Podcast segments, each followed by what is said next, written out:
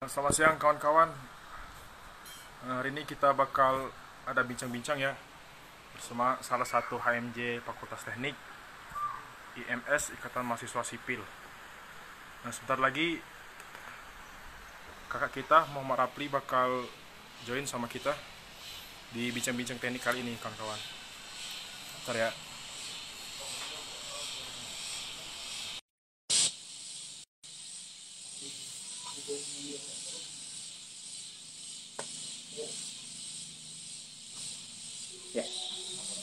Halo Kak Rapli, Assalamualaikum. Selamat siang. Waalaikumsalam warahmatullah. Oke. Eh, berhubung ini udah jam satu ya kak, kita langsung mulai saja bincang-bincangnya. Per- eh, apa namanya? Sebelum itu alangkah lebih baiknya saya memperkenalkan diri terlebih dahulu ya. Nama saya Hasan Febriansyah dari Fakultas Teknik, eh, Fakultas Teknik tentunya ya. Program Studi Teknik Arsitektur Angkatan 2019. Sini saya sebagai moderator yang akan memandu bincang-bincang teknik kita siang hari ini. Nah, untuk itu pada Kak Rapli sendiri silahkan eh, apa namanya untuk memperkenalkan diri terlebih dahulu supaya kawan-kawan kita lebih kenal ya sama Kak Rapli karena tak kenal maka tak sayang nggak? Ya. Bismillahirrahmanirrahim. Assalamualaikum warahmatullahi wabarakatuh. Waalaikumsalam warahmatullahi wabarakatuh. Ya, ya teman-teman eh, perkenalkan eh, nama kakak eh, Muhammad Rafli eh, dari jurusan Teknik Sipil angkatan 2018. Eh, untuk kenalannya eh, cukup sekian. Hmm, Eh, kembalikan kepada moderator. Oke. Nah gini Kak, ada beberapa langsung saja ya masuk ke bincang-bincangnya. Ada beberapa hal yang ingin ditanyakan nih mengenai ikatan mahasiswa sipil ya, benar ya Kak? Ya. Oke. Nah, sebelum itu, pertanyaan yang pertama itu, eh, pengenalan secara general tentang jurusan ini Kak, apa namanya HMJ IMS itu sendiri Kak. Eh, jadi ini eh, HMJ atau jurusannya? HMJ-nya? HMJ. Oh, ya. Eh, baiklah, eh, kan kakak mulai ya. Eh, Ya, ya. Jadi eh, di teknik sipil ini eh, ada eh, or- organisasi yang menaungi eh, seluruh mahasiswa, yaitu yang dinamakan oleh yang dinamakan dengan Ikatan Mahasiswa Sipil atau yang disingkat IMS. Eh, jadi IMS ini dibentuk eh, setelah tujuh tahun jurusan teknik sipil ini berdiri, yaitu pada tahun 1967 tang- Ya, ya. tanggal 8 Februari oleh eh, so- eh, yang oleh orang yang bernama eh, Wirawan Wijat Miko. Eh, kemudian eh, jadi te- eh, IMS ini eh, merupakan sebuah, sebuah lembaga yang menjalankan fungsi eksekutif yang menaungi semua kebutuhan eh, dari eh, keluarga besar eh, mahasiswa teknik sipil eh, Universitas Sriwijaya seperti itu. Hmm. Ya. Eh, mengenai jurusan teknik sipil itu sendiri Kak, sejarahnya itu gimana ya Kak? Oh, kalau untuk jurusan eh, jurusan teknik sipil berdiri pada tahun 1960 Hmm. bertepatan eh, berbarengan dengan berdirinya Fakul- Fakultas Teknik. Eh, jadi teknik Ya. sipil ini merupakan jurusan eh, tertua pertama di Ya. eh, Fakultas Teknik sekaligus tertua kedua se Unsri. Eh, jadi eh, pada saat itu eh, di teknik ini em, hanya memiliki satu pro- program studi ya- Hmm. yaitu program studi teknik sipil. Kemudian pada tahun 1995 eh, barulah di eh, berdasarkan keputusan dari rektor barulah dikembangkan kembali untuk membuka eh, program studi arsitektur dan program Ya. studi ma- magister teknik sipil eh, Hmm. S2. Jadi Oh. pada pada awalnya teknik sipil ini eh, hanya berada di kampus Palembang. Pada tahun 2000, eh, pada tahun 1995 eh, utama ke kampus Indralaya eh, maka eh, teknik kampus utama teknik sipil ini eh, menjadi dua yaitu kampus Palembang yang ada di Bukit Besar dan kampus Indralaya. Seperti itu. Oke. Uh, jadi uh, kemudian berkembang menjadi tiga prodi pada tahun 2001 dan alhamdulillah pada uh, 2018 uh, nama dari jurusan teknik sipil itu uh, berdasarkan keputusan rektor diubah menjadi jurusan teknik sipil dan perencanaan. Sekaligus ya, ya. pada tahun 2019 uh, jurusan teknik sipil uh, berhasil mendapatkan uh, akredita, akredita, alhamdulillah akreditasi internasional dari badan yang bernama IAB seperti itu.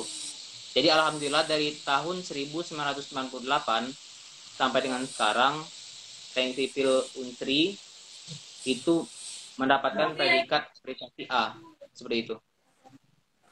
Oh, oh berarti akreditasinya itu sudah A ya kak? Iya. Oke. Okay. Nah, jadi uh, terus untuk ininya kak apa namanya pengenalan strukturnya kak baik itu kepala jurusan, bupatinya itu kak. Siapa tuh kak? Uh, ya, uh, jadi teknik sipil ini dikepalai atau dipimpin oleh uh, seorang ketua ketua jurusan dan dibantu oleh sekretaris jurusan. Ketua jurusan dari teknik yeah. sipil sendiri ialah Bapak Helmi Helmi Insinyur Helmi Haki MT dan sekretaris jurusannya adalah Bapak uh, Muhammad Baitullah Al Amin STMT. Kemudian untuk okay. uh, bupati yang memimpin ya. Ikatan Mahasiswa Sipil uh, dipimpin oleh uh, Yuan Imam Mujtahid Fiddin. Kemudian dibantu oleh uh, wakilnya dari angkatan 18 yaitu uh, Ibran Muhammad Ibran Al Farid. Hmm. Dan nanti untuk uh, penjelasan selanjutnya mengenai jadi uh, ikatan mahasiswa sipil itu uh, memiliki struktur organisasi yang berbentuk departemen dan biro dan itu nanti mungkin ya. bakal dijelaskan lebih lanjut uh, ketika teman-teman uh, semua udah masuk di teknik sipil Universitas Sriwijaya seperti itu. Oke oke. Uh, apa namanya? Katanya di jurusan apa namanya teknik sipil itu ada beberapa lab ya kak? Oh, iya. Ada beberapa lab terus ada organisasi jurusan juga ya kak? organisasi jurusan organisasi jurusan ya itu tadi IMS tadi Cuma, merupakan organisasi ya, jurusan okay. ya tapi kalau lab uh, jadi teknik sipil teknik sipil unsri itu memiliki uh, tujuh lab dan dua studio ya, jadi ya, bisa nggak uh, nih kakak jelasin hmm, oke okay. jadi uh, tujuh lab tersebut uh, pertama ada lab struktur dan material dan ada lab mekanika tanah Yeah. Kemudian ada lab perkerasan jalan raya. Kemudian ada lab transportasi dan lalu lintas. Kemudian ada lab manajemen dan kemudian ada lab survei dan permet dan uh, pemetaan. Kemudian ada lab mekanika, fluida dan hidrolika. Dan dua studio tadi itu ada studio komputer dan studio gambar. Oh ya, oke kak. Uh, apa namanya? Kalau di jurusan teknik sipil ini kak, dia tuh pelajarannya tuh lebih menjurus ke mana ya kak? Lebih fokus ke mana kak? Uh, jadi uh, kalau teknik sipil sendiri lebih berfokus. Kalau kita di SMA itu ya uh, ada yang namanya fisika klasik. Jadi fisika klasik ini terdiri dari mekanika, oh. uh, pelajaran mekanika, kemudian hmm. uh, apa fisika, hidrolika, mekanika hidrolika. Hmm. Jadi kayak apa kita belajar kayak pembebanan, gaya, momen, inersia. Kemudian kalau yang mekanika fluidanya itu ada asas Bernoulli dan lain-lain itu kan. Nah lebih yeah. ke situ kalau di, di sipil ini. Uh, tapi itu tergantung uh, bidang ilmu yang ada kan. Jadi di sipil ini kan ada beberapa fokus bidang ilmu uh, yeah. itu ada ada lima ada lima bidang ilmu yang dipelajari yang pertama itu struk, uh, rekayasa struktur. Jadi reka, rekayasa struktur ini berkaitan dengan uh, pembangunan uh, struktur bangunan. Gedung kemudian uh, jembatan yang berkaitan dengan perhitungan struktur. Jadi teman-teman yang suka dengan fisika mekanika kayak uh, perhitungan gaya, momen, beban yang uh, kayak kayak itu itu uh, mungkin teman-teman bisa mem, uh, uh, mendalami ilmu struktur ini nantinya. Kemudian Iya, iya. untuk selanjutnya itu ada bidang ilmu geoteknik.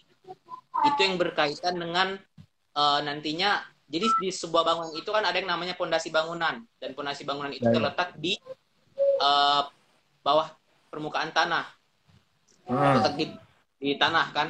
Nah, jadi geoteknik Hmm. ini eh, bidang ilmu yang khusus untuk mempelajari eh, perlakuan tanah tersebut terhadap fondasi. Jadi nanti kita kayak mempelajari tentang tanah berkaitan dengan longsor, perkuatan eh, tanah, kemudian analisis tanah. Seperti itu kalau geo- geoteknik. Pokoknya berkaitan Hmm. dengan eh, tanah lah. Nanti bisa dipelajari kalau dijelasin lebih lanjut mungkin bakal sah. Eh, kemudian selanjutnya ada fokus transportasi. Nah, jadi transportasi ini eh, berkaitan dengan eh, pengaturan jaringan transportasi baik itu eh, jadi transportasi ini kan di labnya tadi dibagi menjadi dua Hmm. yaitu eh, lab perkerasan jalan raya dan lab transportasi dan lalu lintas. Jadi yang lab perkerasan jalan la- raya itu kita lebih menghitung misalnya eh, tikungan, kemudian tanjakan, kemudian Ya. eh, perkerasan jalan rayanya gimana, maksudnya eh, pembuatan aspal dan lain-lain kan. Tentunya Mhm. aspal di lapangan terbang dan aspal di jalan biasa kan beda gitu. Itulah Ya. kalau untuk perkerasan jalan. Kemudian untuk eh, yang fokus transportasi dan lalu lintasnya tadi kita misal menghitung eh, kapasitas jalan, eh, Hmm. volume kendaraan yang ada di kapasitas di jalan tersebut, kemudian eh, menghitung apakah eh, suatu persimpangan membutuhkan lampu lalu lintas seperti itu. Oke. Itu kalau untuk fokus transportasi. Mungkin adik-adik bis, nanti bisa belajar lagi kalau udah masuk di teknik sipil. Eh, Ya. Kemudian fokus selanjutnya itu adalah eh, rekayasa sumber daya air. Nah, jadi kalau rekayasa sumber daya air ini kita eh, biasanya itu berkaitan dengan bagaimana kita bisa mendistribusikan air sehingga bisa kita manfaatkan seperti itu. Eh, biasanya ini eh, sumber, rek- rekayasa sumber daya air ini mungkin kalau untuk daerah kita ya kan daerah kita Sum- Sumsel ini kan banyak rawa-rawa ya. Nah jadi Ya. itu eh, sangat ba- ba- bagus kalau mau dipelajari. Jadi eh, sumber daya air ini kita berkaitan dengan bagaimana cara membangun irigasi, drainase, bangunan air seperti bendungan, bendung, bangunan elak dan lain-lain. Nanti itu bisa dipelajari seperti itu. Dan Oke. mungkin untuk eh, sumber daya air ini ada dua fokus pembelajaran, yaitu hidrolika dan mekanika fluida. Dan itu eh, sangat berkaitan dengan apa yang telah kita pelajari di fisika yang ada di SMA seperti itu. Oh iya iya. Mungkin nanti Nah, ini- adik-adik, eh, mungkin nanti teman-teman bisa bertanya untuk lebih lanjut. Kemudian untuk eh, fokus ilmu yang selanjutnya, yang terakhir yaitu manajemen eh, konstruksi atau manajemen dan rekayasa konstruksi. Jadi eh, manajemen dan rekayasa konstruksi ini itu eh, biasanya eh, inilah yang paling umum yang ada di masyarakat. Oh, biasanya ide, ide eh, teknik sipil itu identik dengan yang namanya pemborong, kontraktor kan, kontraktor. Hmm. Nah, jadi eh, kalau adik-adik eh, teman-teman semua eh, masuk sipil nih, mau jadi kontraktor. Nah, dalaminlah eh, ilmu ini, bidang ilmu ini, manajemen eh, konstruksi ini. Karena di manajemen konstruksi ini kita diajarkan bagaimana kita memanajemen suatu proyek pembangunan, mulai dari manajemen mutu, bahan, kemudian pekerjaannya, bagaimana mengatur tukang, bagaimana mengatur biaya. Jadi kita pelajari di manajemen eh, infrastruktur ini. Eh, mungkin untuk eh, bidang ilmu eh, cukup sekian. Mungkin nanti eh, teman-teman bisa bertanya di sesi pertanyaan seperti itu. Ini kak lanjut ke ini kan kalau di arsitektur itu kan outputnya kan bakal jadi arsitek atau apa kan kak? Kalau di sipil ini kak uh, pro, apa namanya apa dunia kerjanya itu ke mana kak? Oh, uh, jadi uh, secara garis besar uh, teknik sipil ini keluarannya nanti secara garis besar itu ada dua. Secara garis besar ya, yeah. yang yang uh, ibaratnya general yaitu uh, kontraktor atau konsultan. Itu yang secara orang awam tahu kan? Secara orang awam tahu itu kontraktor dan konsultan. Di mana yeah, yeah. kalau seorang kontraktor itu memang uh, biasanya tidak harus uh, tamatan teknik sipil kayak itu kalau kontraktor. Kita biasa menyebutnya pemborong orang ya, yang apa itu apa pemborong kan biasa menyebut orang pemborong. Hmm. jadi uh, tamatan SMK atau SMA itu bisa jadi seorang kontraktor. Nah jadi tugas kontraktor ini yang mengatur jalannya sebuah proyek. Nah, sedangkan hmm. yang kedua ini adalah konsultan. Nah konsultan ini banyak. Konsultan pengawas, konsultan uh, struktur, konsultan desain. Jadi yang konsultan ini memang orang-orang yang harus uh, mengerti bidang sipil atau tamatan dari teknik sipil biasanya. Jadi yang si konsultan ini biasanya harus dia dialah yang merancang perhitungan bangunan, dialah yang menghitung, dialah yang mendesain, dialah yang merencanakan bangunan. Itu uh, si apa si konsultan ini. Tapi sebenarnya untuk teknik sipil sendiri itu luas, bukan hanya konsultan dan kontraktor. Kita bisa bekerja uh, anggaplah suatu perusahaan besar, perusahaan besar, mereka ibaratnya mempunyai beberapa gedung, gedung yang hmm. tinggi, gedung yang tinggi. Hmm. Uh, uh, pasti dalam suatu uh, perusahaan tersebut memiliki seorang konsultan uh, konsultan konstruksi untuk perawatan yeah. bangunan mereka seperti itu. Untuk ibaratnya yang entah itu konsultan mekaniknya atau lain-lain. Jadi uh, kemudian bisa bekerja di PU, di BUMN, kemudian bisa menjadi uh, entrepreneur, bisa uh, membuka pabrik kalau sudah sudah uh, mempunyai modal bisa uh, yeah. uh, mungkin berwirausaha di uh, bahan, bahan bangunan banyaklah kalau kalau bisa menjadi pegawai bank bisa men menjadi uh, pen, ada yang namanya penilai penilai bangunan mm -hmm. itu biasanya uh, bekerja di kantor pajak bisa bekerja di kantor intinya bekerja jadi pegawai itu banyak uh, jalannya gitu. Yang namanya teknik sipil kan uh, kita mempelajari matematika, kita mempelajari ekonomi, kita juga mempelajari hmm. hukum. Ya. Jadi nanti ada mata kuliah yang namanya ekonomi teknik, kemudian ada mata kuliah yang berkaitan dengan hukum gitu. Jadi okay. uh, eh, banyak lah kalau untuk uh, apa tuh peluang kerja. Oke. Okay. Ini ke apa namanya uh, tadi kan kemarin ada teman saya nih yang nanya katanya apa bedanya teknik sipil sama arsitektur kak? Oh, uh, jadi gini, biasanya orang yang mendesain itu adalah seorang arsitek. Kemudian desain tersebut biasanya pertama dilelang, eh dile, uh, mak maksudnya sudah dipilih siapa nih ar arsiteknya. Kemudian hmm. gambar desain tersebut uh, diberikan kepada konsultan eh ya konsultan ya nah si konsultan dari teknik sipil tadi itu merencanakan uh, bangunannya tersebut jadi kan uh, si arsitek ngasih gambar kemudian konsultan dari teknik sipil menghitung atau merencanakan kemudian nanti dilelang maksudnya di tender istilahnya tuh jadi ya, nanti itu uh, sayembara lah kalau bahasa or orang biasa, sayembara. Nah, yang jadi disayembarakan untuk para kontraktor-kontraktor. Siapa nih yang mau ngambil proyek ini gitu. Hmm. Jadi intinya si arsitektur itu yang menggambar uh, apa itu desain, desain bangunan dan yang desain grafisnya ya.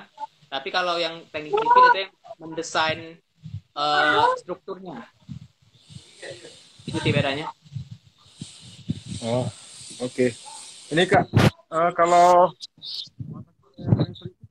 di teknik sipil. Mata kuliah yang paling sulit, Kak?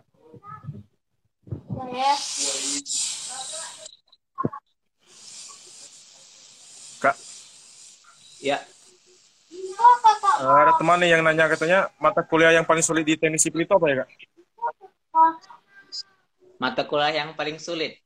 Eh, jadi Ya. kan eh, kakak kan sudah semester 4 nih, mau naik semester 5. Jadi selama Mm. 4 semester ini kakak kebetulan tapi pada umumnya kalau mau dilihat dari segi kesulitan itu sebenarnya eh, mata kuliah yang berkaitan dengan struktur yang susah. Tapi kalau kakak Hmm. pribadi itu tergantung orangnya sih, tergantung orangnya.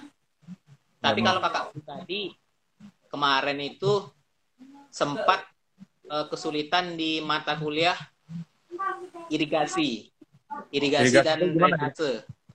Jadi itu berkaitan perancangan itu lebih ke sumber daya air. Jadi kita merancang irigasi, merancang drainase. Itu sih susahnya kenapa? Karena rumusnya banyak dan apa itu eh, susah sih mempelajarinya. Rumusnya banyak. Kita harus bisa menggunakan Excel.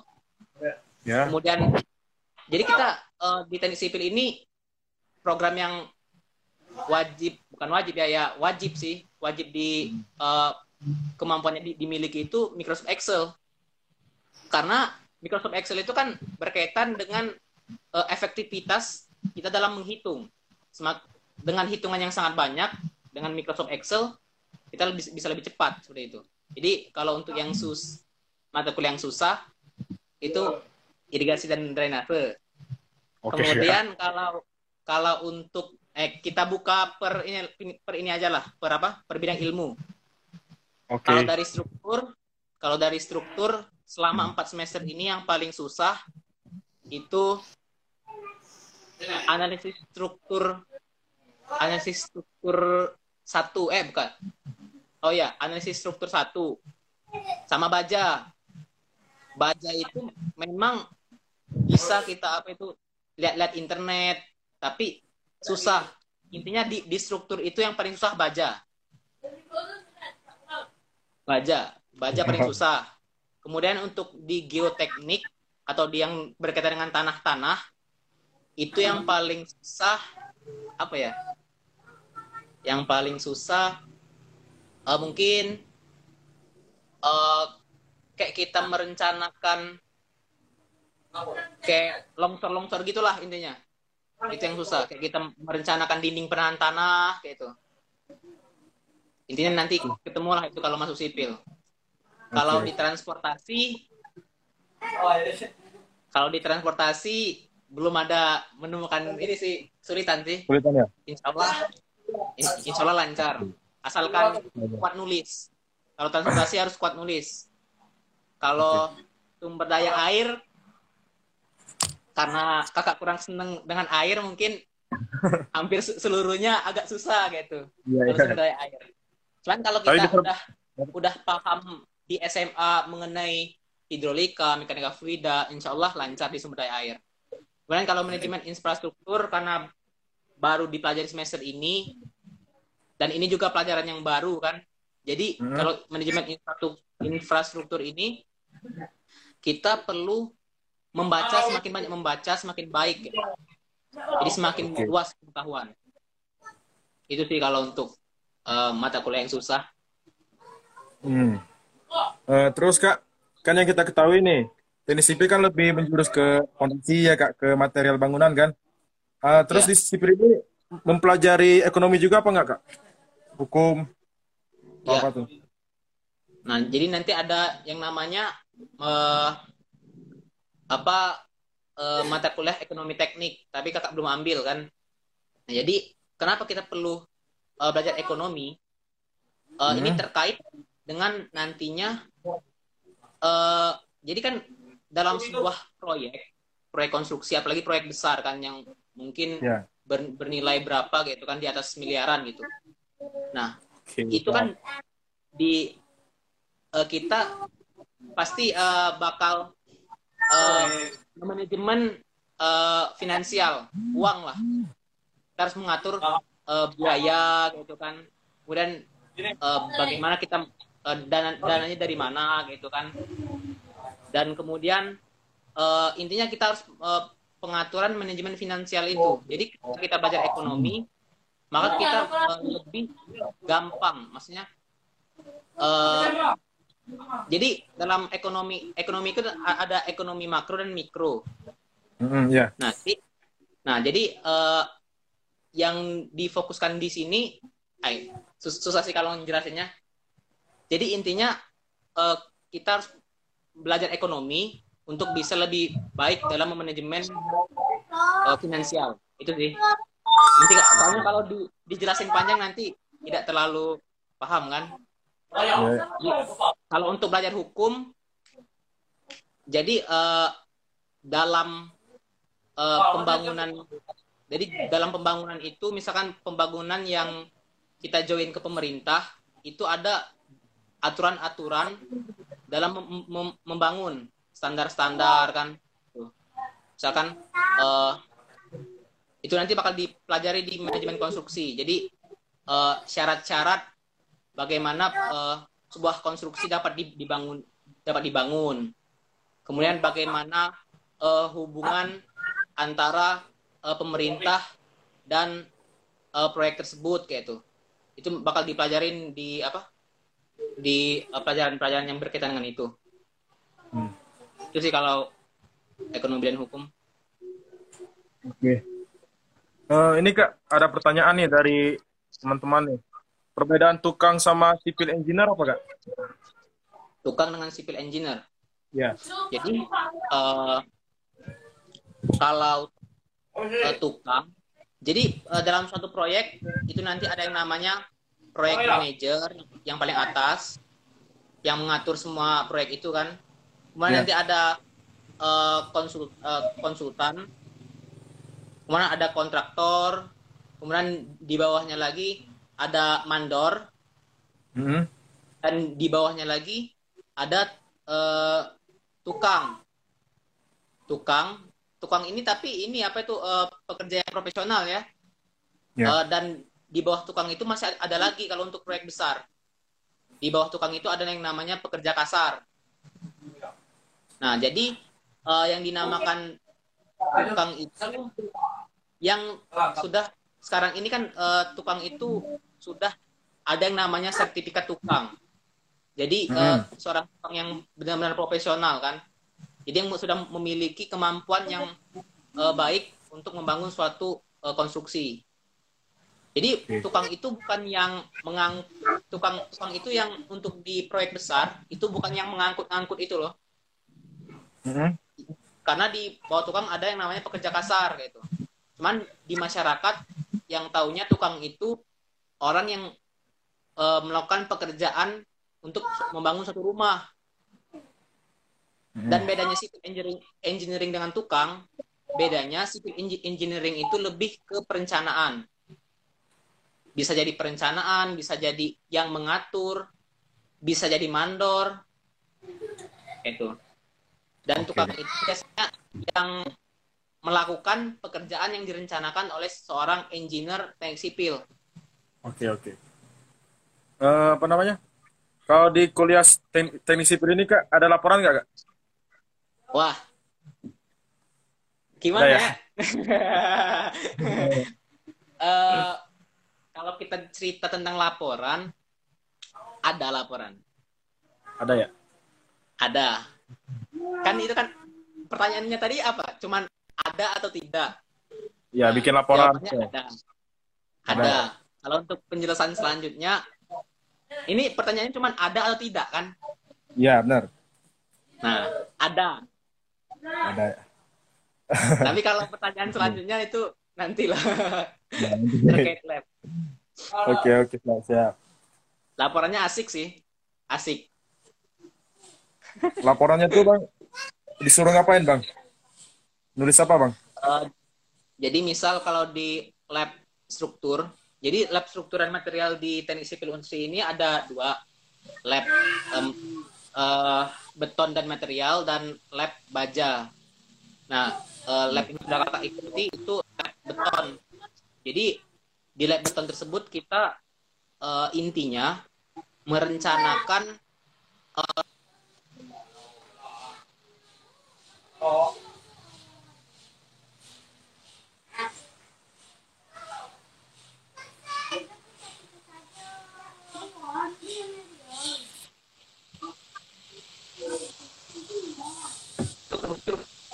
terus tinggi 15 cm Pak.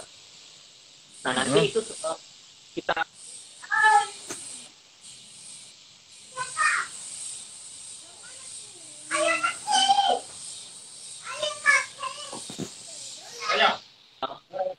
nyampurin agregat, nyampurin batu, air, semen, kemudian kita buat uh, sampel, kita uji dengan menggunakan uh, mesin uji, uji tekan. Nanti kita periksa apakah uh, sesuai dengan uh, kualitas beton yang kita inginkan. Kemudian kalau nanti setelah dilakukan pengujian, kita buat laporan. Nah, biasanya laporannya itu tulis tangan. Kita tulis di kertas. Nanti kita asistensikan ke uh, asisten dan dosen.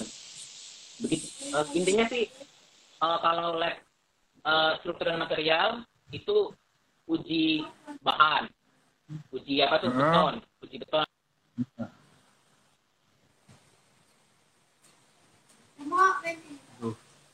Kita ambil sampel tanah dan kita bawa ke lab, kita uji dengan banyak uh, dengan banyak pengujian.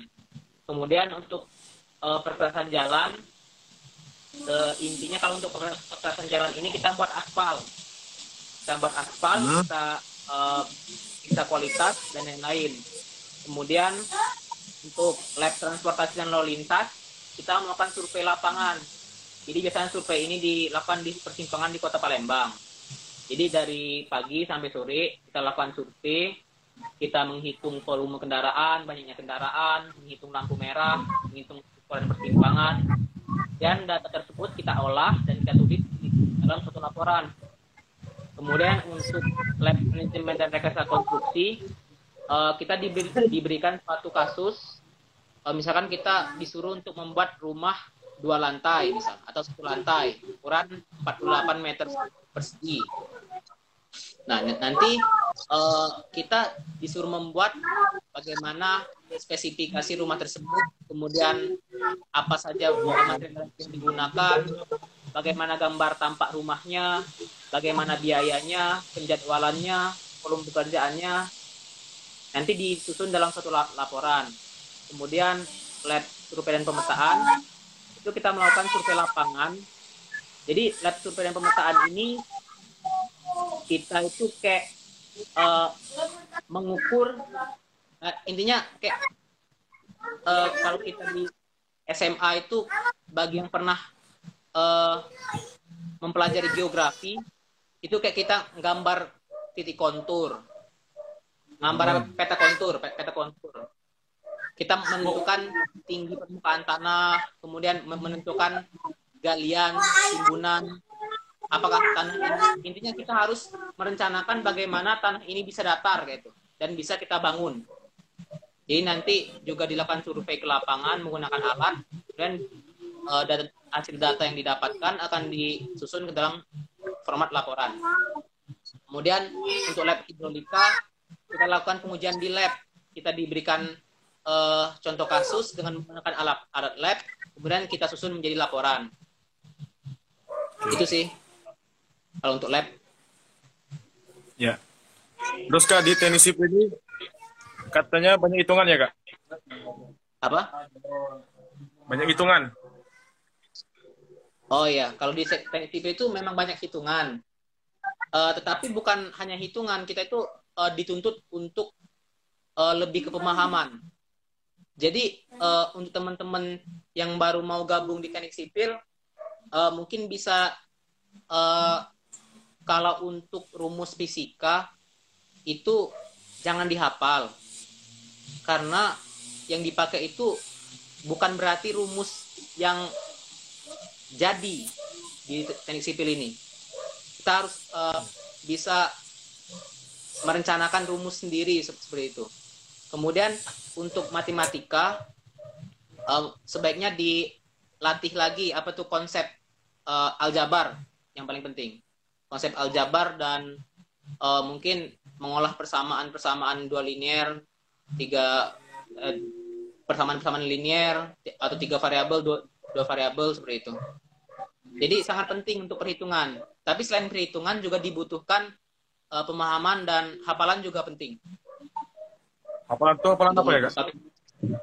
Hafalan misalkan uh, untuk uh, struktur struktur dan material. Ya kita harus hafal lah. Misalkan uh, apa itu jenis-jenis agregat, kemudian uh, bagaimana cara uh, pengolahan agregat, pencampuran agregat. Hah? PK2 F Kemudian kalau kalau di geoteknik kita harus hafal jenis-jenis tanah, karakteristik tanah. Kemudian kalau di uh, perkesan jalan raya kita harus tahu tipe-tipe aspal, lapisan-lapisan lapisan lapisan aspal. Kemudian kalau di manajemen rekayasa konstruksi kita harus tahu bahan-bahan bangunan, kemudian biaya biaya-biaya bangunan, uh, kemudian ya uh, terkait dengan uh, apa itu perencanaan jadwal. Kemudian di uh, lab hidrolika kita harus hafal hukum-hukum uh, yang berkaitan dengan air lah kalau di fisika SMA itu. Konsep-konsep kayak, kayak gitu. Kalau hafalan itu tidak terlalu banyak tetap dibandingkan hitungan. Tapi juga cukup susah. Kalau menghafal menghafal biasa sih mudah cuman menghafal sambil paham itu yang susah. Kalau hafal, hafal kan mudah tapi menghafal sambil memahami. Kita tuh harus paham apa yang kita hafal gitu. Oh. Itu yang... berarti harus memahami ya kak? Ya. Oke. Lagi ya? Ini oh iya kak. Untuk bisa kuliah di teknik sipil ini kak harus dari anak IPA atau bisa IPS kak bisa IPS karena bisa. gini ya itu? Uh, sebenarnya apa itu? Kalau ada anak IPS nih masuk teknik sipil uh, yang penting dia pelajaran itu cuman sebenarnya sih cuman tiga secara garis besar. Secara, secara garis besar itu dua sebenarnya. Matematika sama fisika untuk pelengkap yeah. sama kimia. Jadi mau tidak mau sebelum masuk sipil jadi ibaratnya ada ada seorang anak IPS yang udah diterima. Jadi sebelum masuk sipil itu dia harus uh, mempelajari ulang fisika, matematika, sama kimia. Cukup itu. Yeah.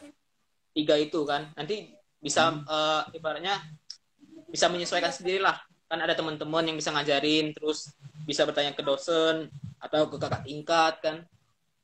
Jadi tidak menutup kemungkinan uh, anak IPS juga bisa masuk kayak itu. Karena pelajaran yang kita pelajari di SMA itu tidak semuanya dipakai di teknik sipil gitu. Hmm. Uh, terus kak, kan wah ada adik kelas saya nih kak nanya nih. Katanya kalau masuk teknik sipil itu harus udah nguasain software minimal SketchUp ya kak? Atau gimana tuh? Uh, jadi awal-awal ketika kita masuk teknik sipil itu uh, kita bakal diajarin yang namanya aplikasi AutoCAD. AutoCAD uh, dua dimensi. Hmm. Jadi kalau uh, bagusnya sih kita juga mempelajari SketchUp. Jadi uh, untuk awal-awal kita masuk teknik sipil itu uh, alangkah baiknya kita uh, menguasai dua aplikasi itu, AutoCAD sama SketchUp.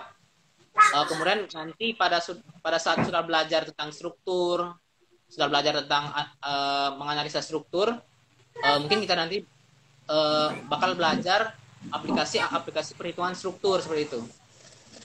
Tapi uh, basicnya sih ya SketchUp sama AutoCAD yang perlu di, dikuasai. Karena kan itu untuk menggambar kan. Jadi itu sih. Uh, apa lagi ya? Ntar kak, nyari pertanyaan dulu nih. Ntar ya. Oh ini kak, di HMJ Ikatan Mahasiswa Sipil itu sendiri punya program unggulan apa ya kak? Program unggulan. Program misal uh, mungkin lebih spesifik misal kayak kayak apa? Program kerjanya kak. Oh program kerja. Uh, kalau untuk program kerja uh, itu kan per departemen ya. Uh, mungkin itu hmm. nanti bisa dijelasin uh, ketika uh, teman-teman semua udah masuk sipil kan. Karena uh, kalau kita uh, jelasin di sini uh, mungkin nanti kan uh, banyak yang kurang paham seperti itu bagaimana uh, kerja dari suatu organisasi uh, himpunan jurusan seperti itu kan hmm. intinya kalau untuk program kerja itu ada yang namanya uh, program kerja uh, tahunan uh, yang biasanya berupa event seperti lomba-lomba ada lomba-lomba hmm. kemudian ada latihan dasar organisasi kemudian ada um, memperingati memperingati hari besar uh, biasanya seperti itu kalau untuk event-event cuman kalau program kerja harian misalkan uh, sesuai departemen sih uh, bisa kita berwirausaha kemudian penggalangan dana berkaitan dengan uh, masyarakat nanti bisa kita uh, uh, kita lanjutin di ketika teman-teman udah masuk di teknik sipil. Oke. Okay.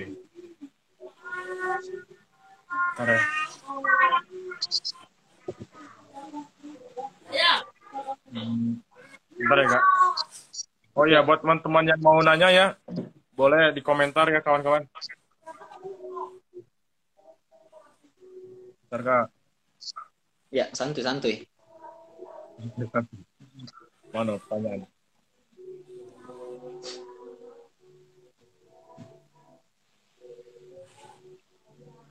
Nah ini kak, uh, ada nggak nih kira-kira pesan pesan dan kesan untuk mahasiswa baru kak yang mau masuk sipil? Uh, kalau pesan dan kesan sih uh, pertama mungkin untuk uh, adik-adik uh, yang uh, akan menjadi mahasiswa baru itu pertama mungkin di semester awal adik-adik bakal uh, belum terasa sibuk ya dengan dunia perkuliahan. Uh, mungkin adik-adik jangan sampai terlena dengan uh, jadwal yang belum terlalu sibuk uh, karena mungkin semester semester selanjutnya mungkin uh, bakal lebih padat. Intinya jangan melalaikan tugas lah. Jangan malas intinya. Ini tuh jangan malas. Karena okay. uh, sebenarnya kalau kalaupun ada ibaratnya kalau kita merasa kurang, kalau kita berusaha, insya Allah terlewati semua kalau di sipil. Kita kan ada teman-teman kan, jadi beda kalau sama S, kalau di SMA. Kalau di SMA kita itu masih kayak persaingan-persaingan secara individu. Tapi kalau di sipil kita harus bisa saling bantu. Bukan berarti membantu dalam ujian seperti itu kan. Tapi oh. membantu dalam tugas dan lain-lain, saling mengajari kan gitu. Jadi kita di sipil ini tidak bisa hidup sendiri kayak itu. Alangkah baiknya kita juga ikut organisasi seperti itu kan. Kemudian untuk uh, selanjutnya itu uh, mungkin uh, untuk adik-adik uh, untuk teman-teman yang baru masuk itu uh, kakak saranin untuk mengikuti organisasi gitu. Terlebih di semester-semester awal kan belum terlalu sibuk. Terutama ikut uh, IMS karena IMS ini anggapannya sudah seperti rumah kita deh. IMS ini uh, kita bakal apa itu?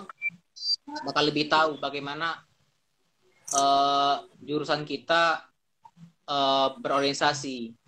Kemudian kita juga bisa ikut organisasi uh, di luar jurusan seperti BEM. Nanti ada organisasi keilmiahan, organisasi kerohanian. Itu bisa ada ikutin semua karena kalau kita hanya kuliah saja, uh, ibaratnya kalau kita apa tuh? Kalau kita makan ya, kuliah itu seperti nasi gitu. Anggaplah seperti nasi, makanan pokok. Sedangkan lauk lauk pauknya lauk pauknya itu organisasi. Jadi kalau kita nggak berorganisasi sama aja kayak kurang gizi seperti itu jatuhnya kan. Ya. Itu sih uh, perumpamaannya gitu. Jadi kalau kita uh, berorganisasi, anggap anggapannya kita uh, memakan makanan yang lengkap kayak itu. Kemudian untuk uh, pesan selanjutnya uh, mungkin terkait akademis, uh, mungkin ada uh, selama libur ini mungkin bisa mengulang kembali pelajaran-pelajaran uh, uh, terutama fisika dan matematika. kalau untuk akademis. Mungkin nanti bakal uh, berguna uh, pada saat perkuliahan. Mungkin kalau untuk pesan sih itu. Apalagi? Katanya nanya kak soalnya. Ya. Ayo, ayo, ayo, ayo. Ada, ada. Tanya-tanya. Kata yang nanya. Dulu. Habis kak. Habis ya. Iya. Ntar ya. Pesan dulu.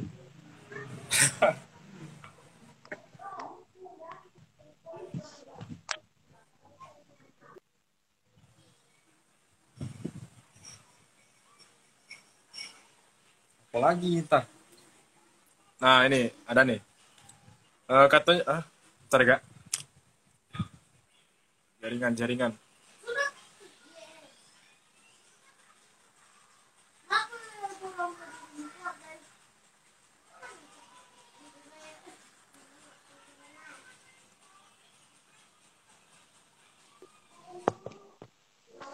Nah, ini ada pertanyaan nih. Ya. Uh, katanya masuk sipil itu paling sulit ya daripada jurusan lain di Fakultas Teknik. Oh, uh, bahasa Inggris di sipil pakai nggak kak? Kemudian kegiatan kerohanian di sipil apa yang sudah jalan saat ini kak? Apa tuh? Hmm. Oke, okay. uh, eh, mungkin yang pertama itu masuk sipil paling susah dibandingkan jurusan lain di Fakultas Teknik. Sebenarnya sih kalau untuk pertanyaan ini sebenarnya relatif untuk setiap orang gitu kan mungkin kalau hmm. uh, ada adik penasaran mungkin bisa dicek uh, data yang lebih kredibel di internet kan misalnya jurusan apa yang paling susah menurut uh, si A atau si B Cuman kalau untuk hmm. individu sih itu tergantung orangnya tergantung individunya misal nih misal nih kakak misal atau kakak misalkan kakak hmm. misalkan pas masuk mesin sana ya. Misalnya kakak masuk mesin nih, kakak lancar di teknik mesin kan loh. Karena kakak sudah memiliki basic uh, basic yang baik SMA atau kakak tuh suka suka dengan uh, dengan pelajaran di teknik mesin misalkan. Belum tentu ketika kakak masuk teknik sipil atau masuk arsitektur atau masuk jurusan lain kakak bis bakal lancar gitu. Bakal paham, yeah. bakal seneng gitu. Jadi kalau untuk masalah susah atau mudah itu tergantung individunya. Kalau kita menyenangi sebuah kegiatan atau sebuah bidang itu bakal tidak akan susah gitu. Jadi kalau untuk susah atau tidak itu tergantung individu. Tapi kalau untuk penasaran, kalau teman-teman penasaran itu mungkin bisa dicek di mungkin lembaga-lembaga lembaga yang lebih kredibel mengenai uh, bidang ilmu apakah teknik sipil itu susah gitu? Tapi secara garis besar sih susah. Karena kan bayangin aja tuh misalkan ada ada gedung ada gedung. Gimana sih kita bisa naik nyusun uh, apa tuh ngecer uh, nyusun semennya gitu kan? Kolom sampai bisa orang buat gedung pecah ke langit. Kemudian orang buat jembatan 300 meter di atas permukaan tanah. Itu gimana sih ngitungnya? Gimana sih bisa sesuai antara jembatan yang uh, antara jembatan sebelah sini dan sebelah sini bisa nyambung gitu kan. Ngitungnya di mana kan? Intinya kalau sipil ini air kita belajar angin kita belajar tanah kita belajar api uh, mungkin uh, pembuatan material ya kalau api kan. Jadi kan kita itu kayak avatar gitu kan. Yeah, yeah. elemen beton air uh, angin tanah gitu kan? Kayak avatar lah kita di sipil ini. Ya, benar. kemudian untuk bahasa Inggris di sipil kepake nggak kak? Uh, kalau di sipil itu sebenarnya nggak ada pelajaran uh, mata kuliah bahasa Inggris. Karena kemarin pertimbangannya karena bahasa Inggris itu kan udah udah kita pelajarin selama berapa tahun tuh? Sembilan uh, berapa? Anggaplah kita belajar bahasa Inggris dari kelas 4 4 SD jadi udah 9 tahun belajar bahasa Inggris. Jadi pertimbangan dari uh, ketua jurusan kemarin setelah 9 tahun belajar bahasa Inggris, alangkah baiknya bahasa Inggris ini tidak diadakan mata kuliahnya di teknik sipil. Karena dirasa pengembangan bahasa Inggris itu bisa di luar dari kegiatan kampus seperti itu. Jadi kalau untuk mata kuliah bahasa Inggris tidak ada di teknik sipil. Tapi kalau dibilang berguna atau tidak, ya bisa dibilang sangat berguna.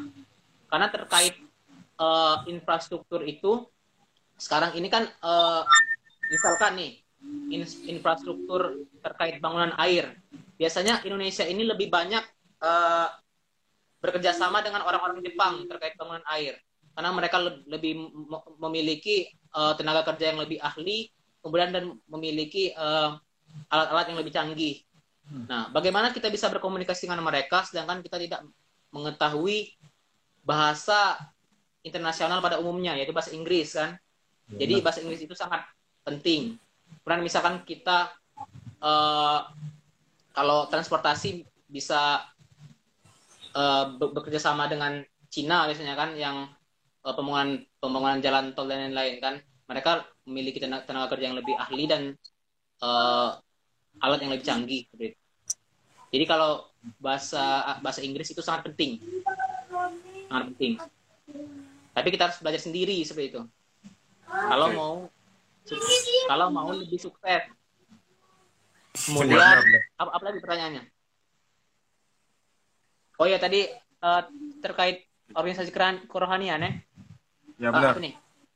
Kegiatan kerohanian di sipil apa yang sudah dijalankan saat ini?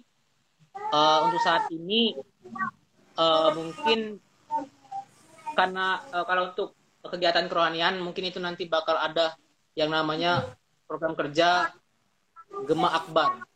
Semacam uh, buka bersama di bulan Ramadan nanti. Itu yang uh, terkait kerohanian akan di, dijalankan. Ya. kemudian apa nih?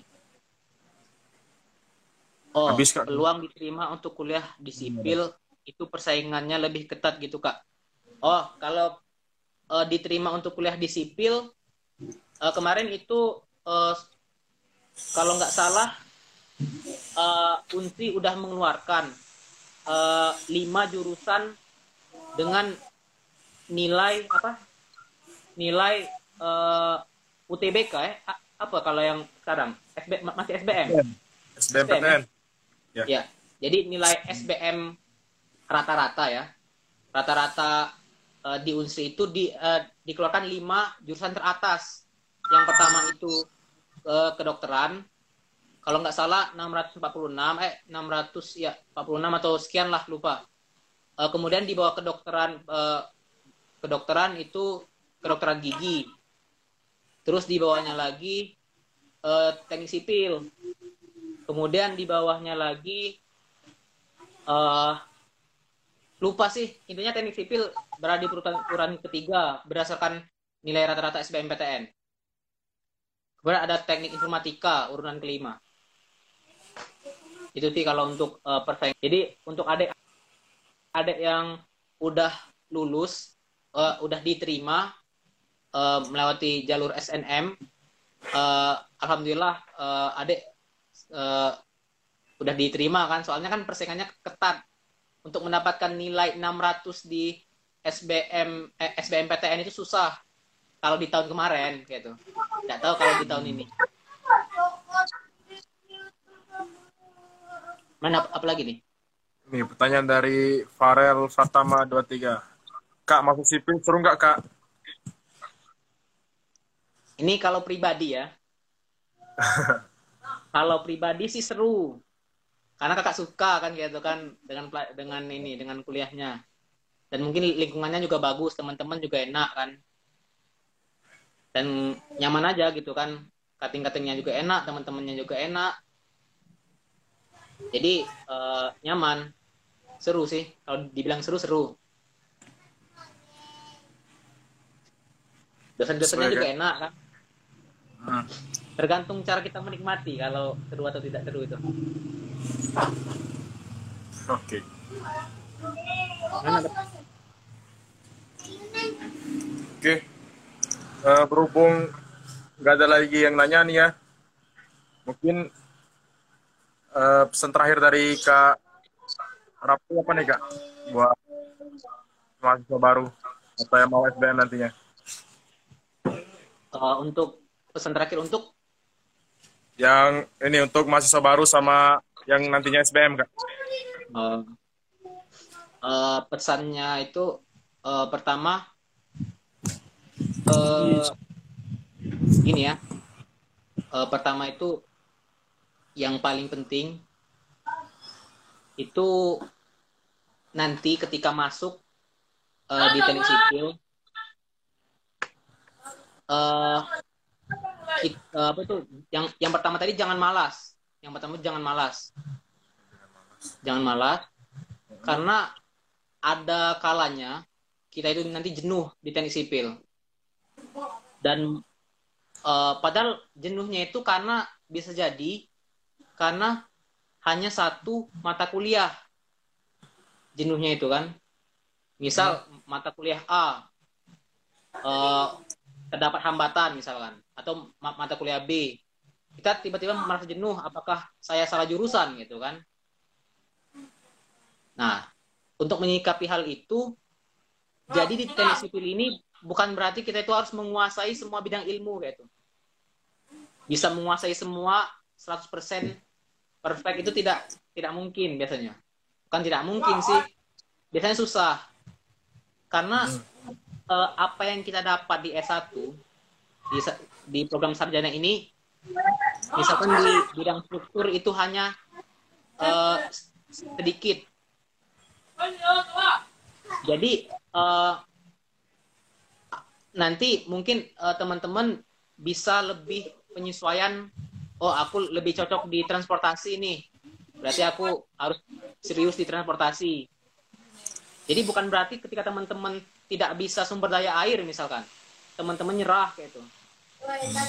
Cari cari bidang ilmu lain yang teman-teman uh, bisa berkembang di, di situ.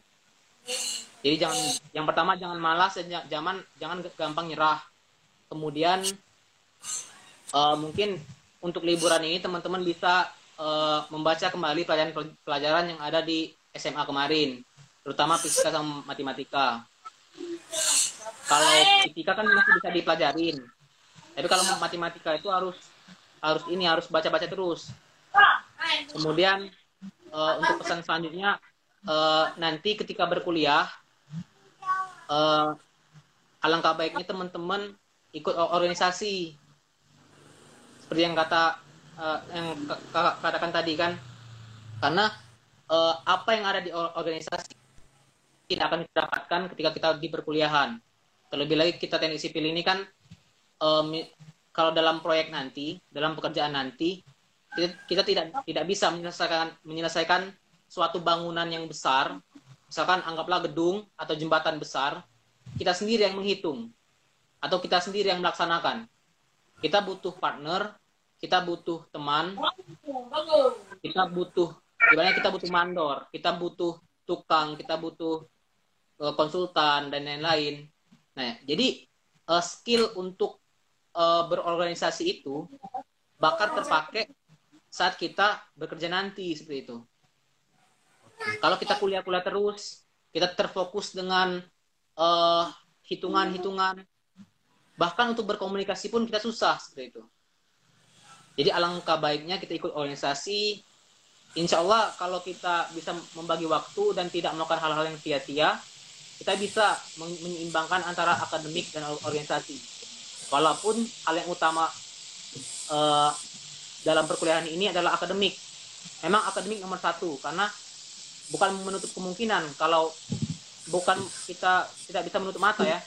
Kalau nilai ini hanya nilai yang bisa kita tunjukkan ke orang tua seperti itu orang tua kita memang tidak tahu kita seperti apa di teknik sipil tapi uh, dengan organisasi kita uh, udah mendapatkan bekal bagaimana cara bekerja sama berkomunikasi yang baik bagaimana cara memanajemen waktu.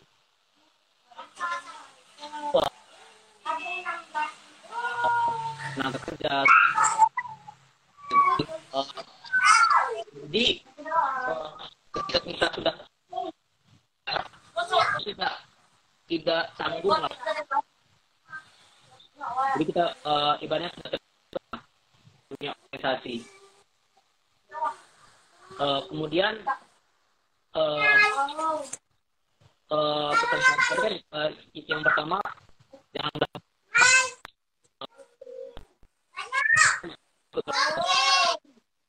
uh, kemudian oh ya ini apa? Uh, biasanya apa itu?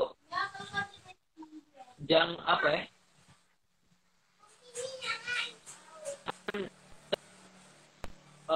puas diterima di uh, perkuliahan.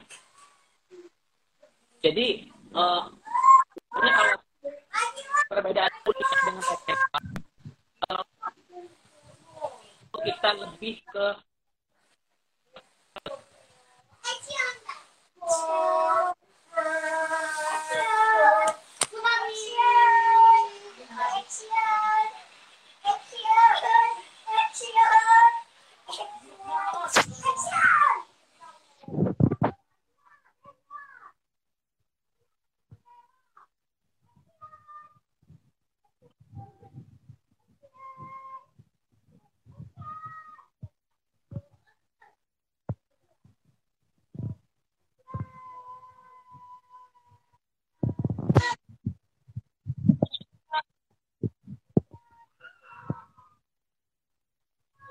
proses dari awal perhitungan gedung dari bawah sampai atas sedetail mungkin tidak akan seperti itu karena dibutuhkan waktu yang sangat lama. Tapi dosen itu mengarahkan apa apa saja yang perlu kita pelajari, apa saja yang perlu kita hitung dan bagaimana step-step perencanaan suatu konstruksi. Jadi kita selebihnya harus mencari sendiri. Jadi ketika kita mendapatkan nilai A misal, jangan cepat puas itu. Walaupun kita sudah uh, mendapatkan nilai yang sempurna di suatu mata kuliah kalau kita tidak belajar lagi dan tidak mencari ilmu lagi kita akan ketinggalan dengan masa di tempat lain. Terutama di Pulau Jawa mungkin yang lebih yang notabene uh, orang-orangnya lebih tekun. Apalagi kalau kita mau bersaing dengan uh, dunia internasional karena kan uh, teknik sipil Unsri alhamdulillah kemarin sudah menerima akreditasi internasional dari IAB sudah disahkan pada bulan Februari kemarin. Jadi uh, alhamdulillah kita dari teknik sipil uh, istilahnya ijazah itu berlaku untuk apabila kita mau bekerja di luar negeri. Jadi kalau kita hanya puas dengan apa yang telah kita dapatkan di uh, perkuliahan hanya di perkuliahan, tidak menutup kemungkinan kita akan kalah dengan orang-orang di luar di luar sana, terutama orang-orang yang ada di luar negeri seperti itu. Jadi pesan kami uh, terkait uh, jangan cepat puas dengan apa yang telah kita dapatkan uh, di perkuliahan. Mungkin kalau untuk pesan pesan kuliah uh, cukup sekian dan nanti mungkin kalau teman-teman uh, mau bertanya lebih lanjut bisa langsung uh, bertanya ke kakak baik itu lewat Instagram atau line WA boleh. Mungkin itu uh, itu sih. Oke. Okay. uh, eh, udah ini ya berhubung tidak ada lagi pertanyaan terus udah berapa nih? Udah kurang lebih satu jam ya kita bincang-bincang hari ini. Mungkin kita cukupkan sampai di sini ya kurang uh, saya selaku moderator kalau misalnya ada salah salah kata atau apa namanya kurang lebih saya mohon maaf. Pak Tuhan saya mohon ampun ya. Saya kiri wassalamualaikum warahmatullahi wabarakatuh. Pada kak ini terima kasih ya kak. Oke semangat ya. Semangat buat oke siap. Oke